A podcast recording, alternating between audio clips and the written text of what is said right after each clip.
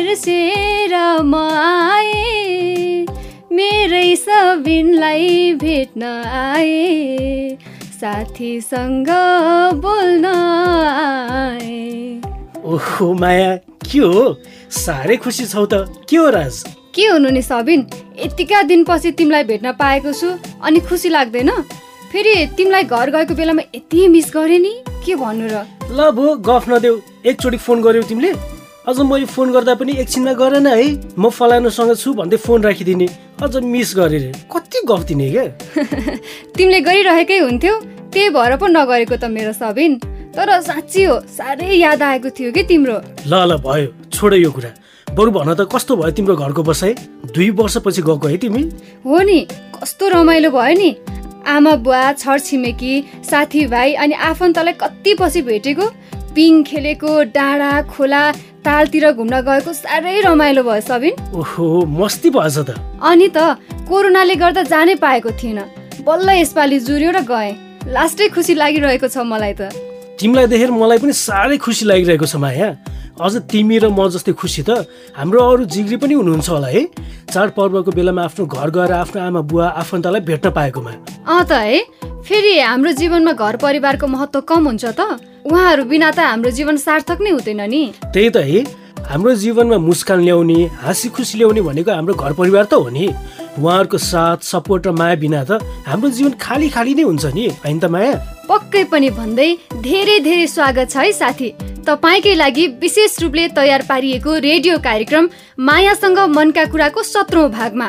र म हुँ तपाईँकै प्यारी साथी माया। र मायासँगै म पनि छु है जिग्री। म तपाईँको आफ्नै हँसिलो रसिलो अनि चिटिक्क परेको जिग्री सबिन मेरो तर्फबाट पनि धेरै धेरै स्वागत र नमस्कार छ है।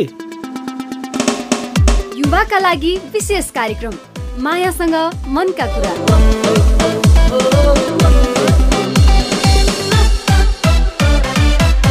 सयो सयो। तपाईँकै लागि विशेष रूपले तयार पारिएको रेडियो कार्यक्रम मायासँग मनका कुरा। पक्कै पनि घर परिवारको कुरा गर्दा नि सबिन मलाई त इन्दिरा र खुसीको पो याद आयो भना। उनीहरूले पनि त एकअर्कालाई आफ्नै परिवार जस्तै मानेका छन् नि है? तिम्रो र मेरो जस्तै के है? अनि त अझ दुवैजनाले आफ्नो घर छोडेर काठमाडौँ आएर आफ्नो सपना पुरा गर्नको लागि सङ्घर्ष गरिरहेका छन्। एकअर्कालाई साथ पनि दिइरहेका छन्। तर नि सबिन आजकल हेर न खुसी र इन्दिराको केही न केही कुरामा झगडा बाजाबाज परिरहेकै हुन्छ भन्या कहिले के न्युमा कहिले केमा।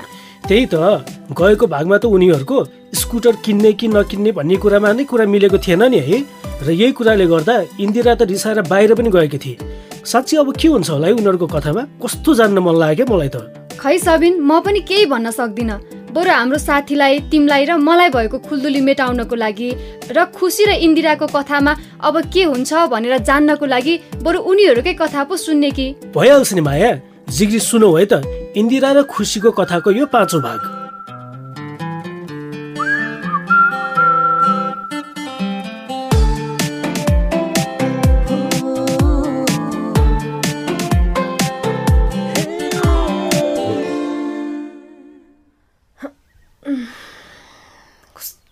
राम्रो ठाउँ वा म त यस्तो ठाउँमा कहिले आएको थिइनँ।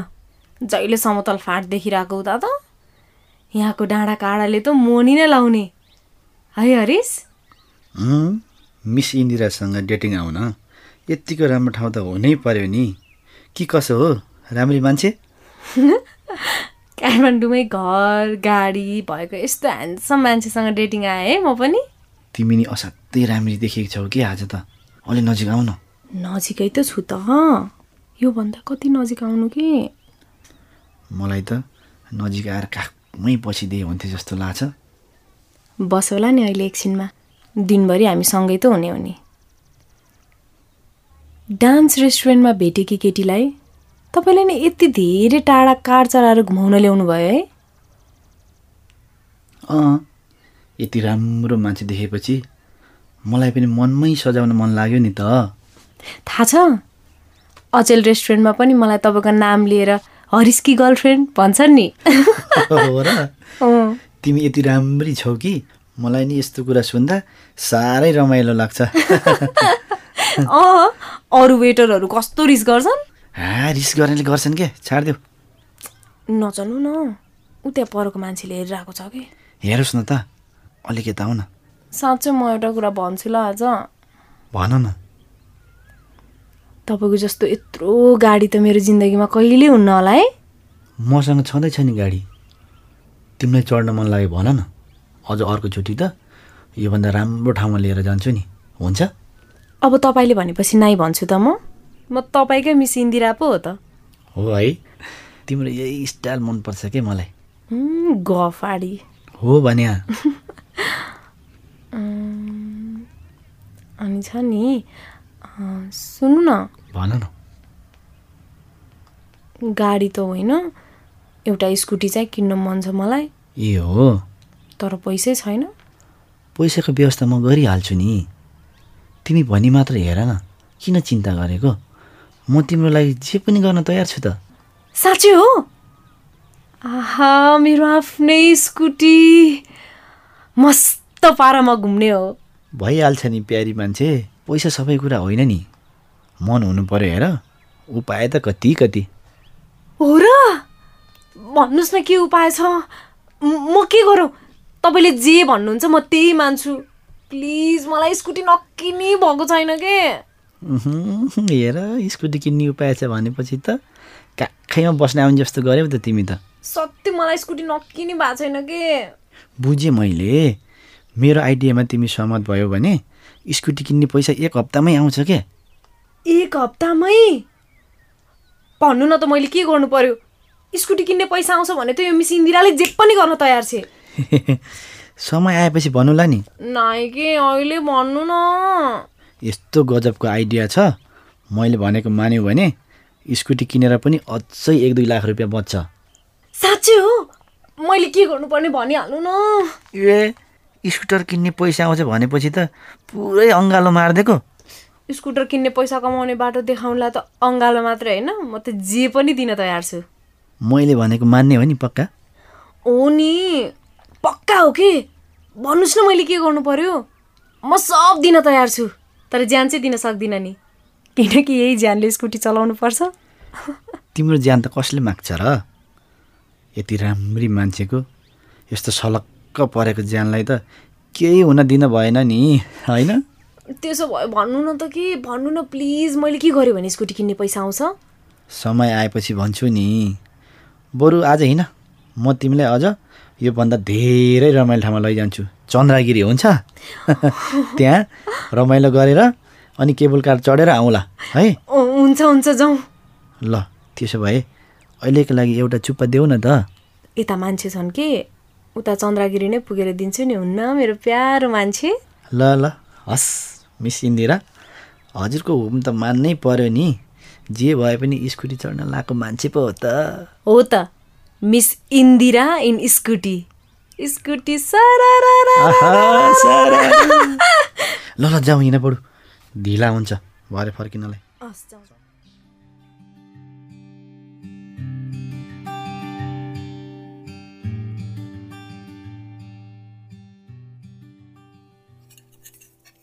मलाई त यति खिर भए पुगिहाल्छ अब खिर भनेपछि त इन्दिरा नि हुरुक्कै हुन्छ। त्यसलाई चाहिँ अलिक ठुलो कचौरामा राखिदिनु पर्ला। अहिले खाएन भने नि भोलि बिहान तताएर खान्छे नि। ए सम्झेको मात्रै के थिएँ? फोनै गरिहालेँ नि। हेलो? इन्दिरा तँ बाहिर आइपुगेको हो? तैँले किन फोन गराएको थिएछ मलाई? आज खिर पकाएको छु क्या। तँलाई नि खिर मनपर्छ नि त। कतिखेर आउँछस् भनेर क्या? फोनै उठाइनस्। त्यो खिर सिर के पकाएको छ? तै खाना नपाकेले खा। के भयो तँलाई फेरि? एउटा स्कुटर किनौँ भन्दा ठुलो कुरा गरी छैन तैँले। अब देख्लिस् एक हप्ताभित्र नयाँ स्कुटरमा हुइकिँदै काठमाडौँ पुरै घुम्छे मिस इन्दिराले। ल ल ठिक छ। तर आज चाहिँ घर आइज है। दुई दिनदेखि घरै आएको छैनस् त। मैले तेरो लागि ठुलो कचौरामा तँलाई मनपर्ने खिर राखिदिएको छु क्या आउँदिन। म तेरो अनुहार हेर्न आउँदिन। त लोभी कन्जुस मर्ने बेलामा पैसा बोकेर जान्छ जस्तो गरेछ होइन तैँले? ए त यसरी मातेको बेलामा जे पाए त्यो पाए नबोल्न इन्दिरा। बरु रुममा आइज बसेर कुरा गरौँला। किन आउनु रुम?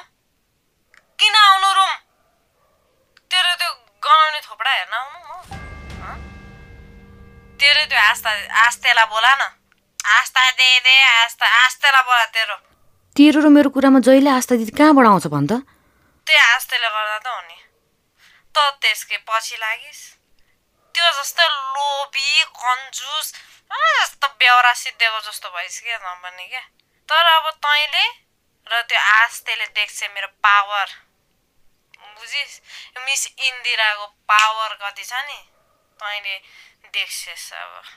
तँ धेरै माथि छ आज नि। चाँडै घर सुत्न आइज। आउँदैन घरमा। म अब म नि म मिस इन्दिरा अब स्कुटी चढेर मात्रै घर आउँछु बुझिस्। तिमीहरू जस्तो हो म। ए तेरिका इन्दिरा। स्कुटर पनि मसँग आइफोन पनि मसँग हुन्छ। आइफोन पनि बोक्छे मिस इन्दिराले। त्यो पनि लाखौँ पर्ने। स्कुटर त म नि त्यो तेरो त्यो आस्ते त्यस्ता त्यो आस्ते भएको भन्दा म राम्रो किन्छु। बुझिस्? आइफोन पछि काठमाडौँमा एउटा अपार्टमेन्ट हुन्छ मेरो। तेरो के हुन्छ? तेरो केही हुँदैन।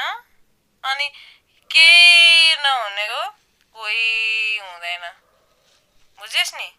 ल के ल? अलि चाँडै घर आइज न। तँलाई यो काठमाडौँमा ल्याएको कसले?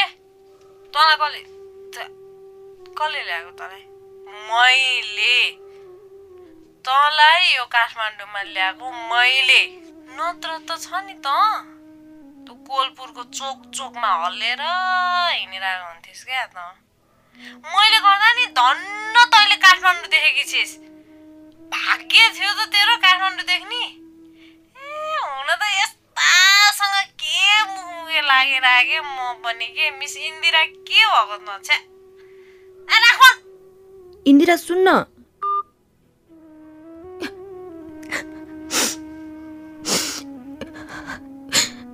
कोलपुरमा सँगै पढ्दा हिँड्दा काठमाडौँ आउने बेलासम्म पनि यो इन्दिरा यस्तो होला भनेर कल्पना पनि गरेको थिइनँ अहिले किन यस्तो बोक्यो लियो मलाई माया गर्ने मैले माया गर्ने ए इन्दिरा त हो जस्तो लाग्थ्यो। डान्स रेस्टुरेन्ट जान थालेपछि त निकै फेरि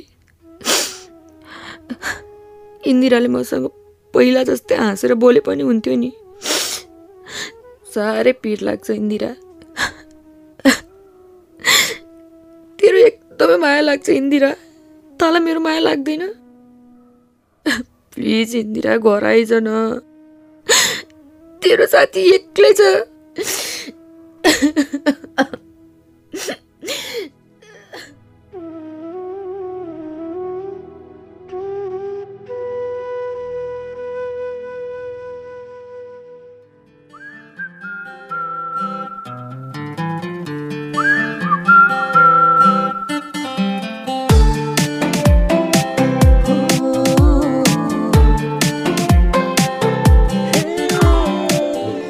होइन? इन्दिरालाई के भएको छ?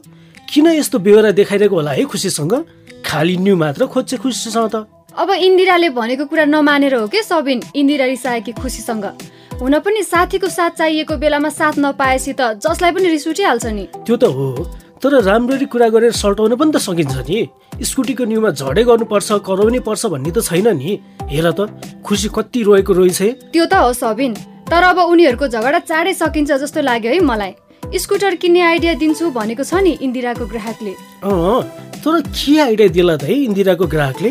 कस्तो जान्न मन लाग्यो क्या मलाई त? केही न केही उपाय भएर त भनेको होला नि। आइडिया छ मसँग तर समय आएपछि भन्छु भनेर। नत्र त किन भन्थ्यो र? त्यसमाथि कति माया गरेको है इन्दिरालाई उसको ग्राहकले? कति उदारपन देखाएको के है? तर नि माया के स्वार्थ बिना किन इन्दिरालाई सहयोग गर्न आतुर भएको होला भन त त्यो मान्छे? यसको बदलामा उसलाई के चाहिएको होला है? निस्वार्थ भावले त पक्कै सहयोग गर्छु भने होइन होला है? इन्दिराको माया चाहिएको नि उसलाई। कस्तो कुरा नबुझेको होला कि सबिनले? फेरि त्यतिको सहयोग त जसले पनि गर्छ नि अचेल। म चाहिँ यो कुरा मान्दिनँ है माया। किनकि अहिलेको जमानामा के कुरा सितैमा पाइन्छ भन त? केही नपाइकन त अहिलेको जमानामा कसैले के हेल्प त के गर्थ्यो? त्यही भएर मलाई त यो खतराको सङ्केत हो कि जस्तो पो लाग्यो है? ह्या सबिन जे कुरामा पनि शङ्का नगर न। अब उसलाई सहयोग गर्न मन लागेको होला। त्यही भएर गरेको होला। सहयोग गर्छु भन्नेहरू सबै स्वार्थी नै हुन्छन् भन्ने पनि त हुँदैन नि। त्यही भएर तिमी पनि अब अरू केही नसोच कि? त्यो त हो माया तर कस्तो हो? के कुराको सहयोग हो? अनि त्यो आवश्यकतामा सहयोग गर्छु भन्ने मान्छे कस्तो खालको हो?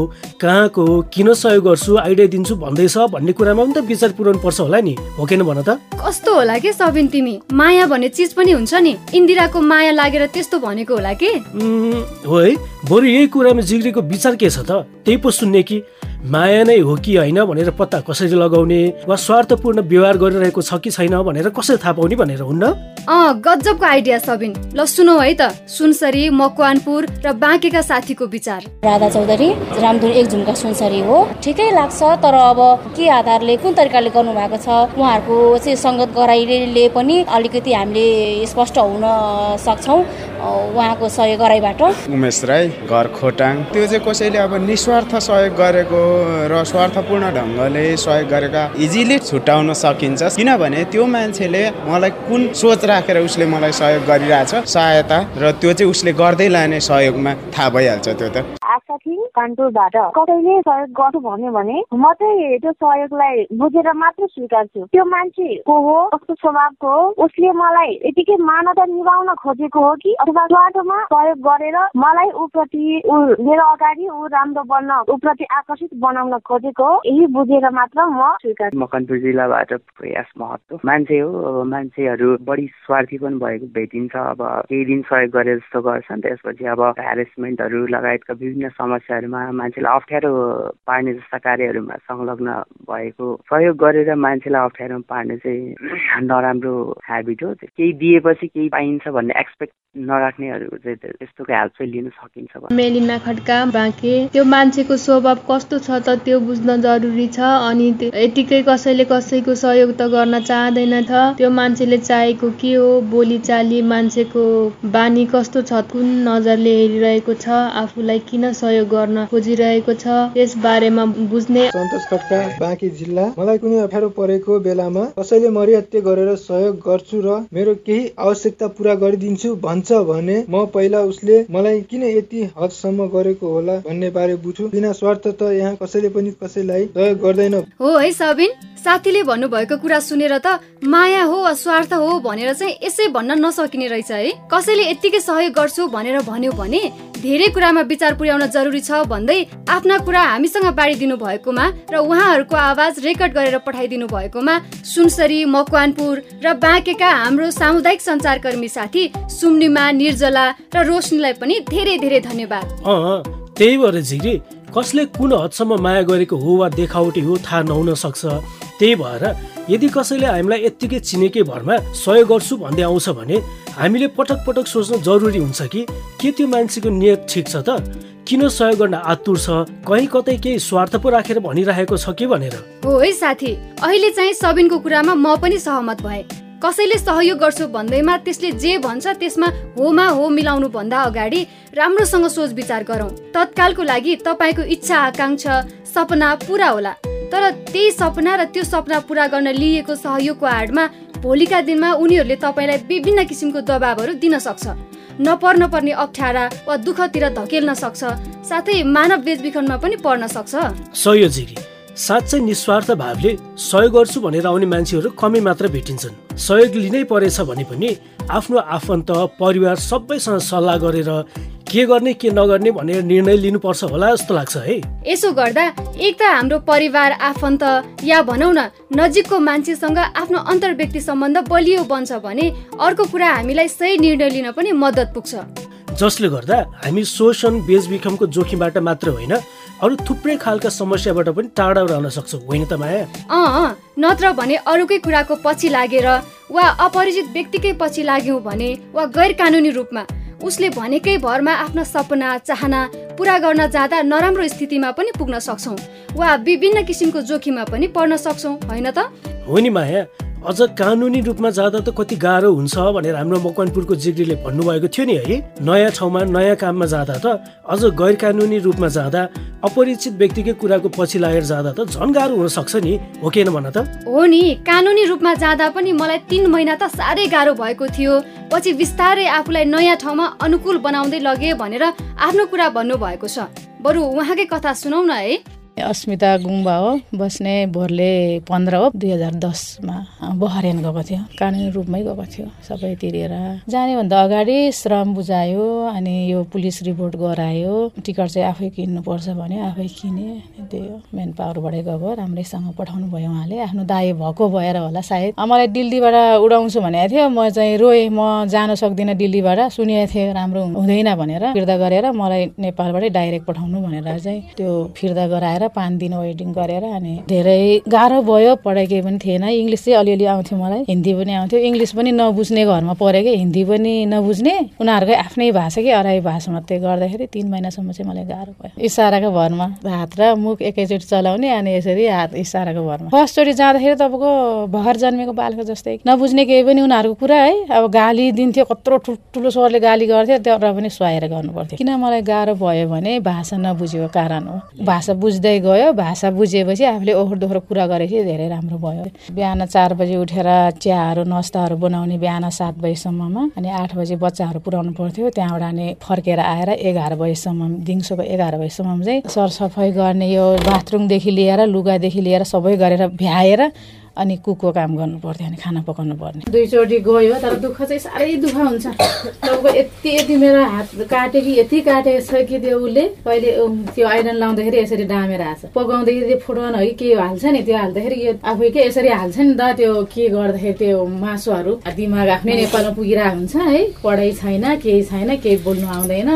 हिन्दी त अलिअलि आउँथ्यो। त्यो पनि हिन्दी कुरा बोल्नै थिएन अरबी भन्दा। फेरि इङ्ग्लिस बोल्दाखेरि नजान्ने क्या त्यस्तो परिवार पनि हुँदो रहेछ विदेशमा। आफूले इङ्ग्लिस बोल्यो उनीहरू नबुझ्ने अनि हिन्दी उनीहरू नबुझ्ने अरबी आफू नजान्ने। गर्दाखेरि धेरै गाह्रो। तिन महिनासम्म चाहिँ लगभग भर्खर जन्मेको बच्चा जस्तै हो। केही नबुझ्ने। त्यही उसको तालमा काम गर्नु पर्थ्यो अनि हुँदै गएँ चाहिँ एकैचोटि दुःखै परेर गएको थियो। पाँच वर्ष छ महिना चाहिँ एउटै घरमा काटेर आएँ मैले। भाषा र सिप सिकेर जानुभयो भने चाहिँ धेरै सजिलो हुन्छ है। नयाँ ठाउँमा नयाँ कामको लागि जाँदा त्यही ठाउँ अनुसार आफूलाई अनुकूल बनाउन गाह्रो भएको थियो तर पछि बिस्तारै आफूलाई आफ्नो काम अनुसार अनुकूल बनाउँदै लगे। तर तिन महिना चाहिँ साह्रै गाह्रो भएको थियो भनेर आफ्नो कुरा हामीलाई बाँड्नु भएकोमा र उहाँको कुरा रेकर्ड गरेर पठाइदिनु भएकोमा मकवानपुर जिल्लामा रहनुभएको हाम्रो सामुदायिक सञ्चारकर्मी झिग्री निर्जलालाई धेरै धेरै धन्यवाद। मकवानपुरको साथीको कुरा सुनेर त मलाई के भन्न मन लाग्यो भने नि सबिन वैदेशिक रोजगारीमा जाँदा होस् या आन्तरिक रूपमा काम गर्न जाँदा नै किन नहोस्? सबै कुरा हाम्रो लागि त नयाँ नै हुन्छन् नि होइन र? ठाउँ नयाँ बोल्ने भाषा मान्छे संस्कृति कानुन सबै कुरा नयाँ हुन्छन् नि। अनि त आफूलाई त्यही अनुरूप अनुकूल बनाउन त समय लागिहाल्छ नि होइन र? त्यही भएर गैर कानुनी रूपमा भन्दा पनि कानुनी प्रक्रिया सबै पुऱ्याएर जाउँ श्रम स्वीकृति काम गर्नको लागि जाने देशको वर्किङ भिसा लिएर मात्र जाउँ। किनभने एक त वर्किङ भिसा पाउने गाह्रो छ त्यसमाथि गैर कानुनी रूपमा जाँदा त झन् बढी खतरा हुन सक्छ नि।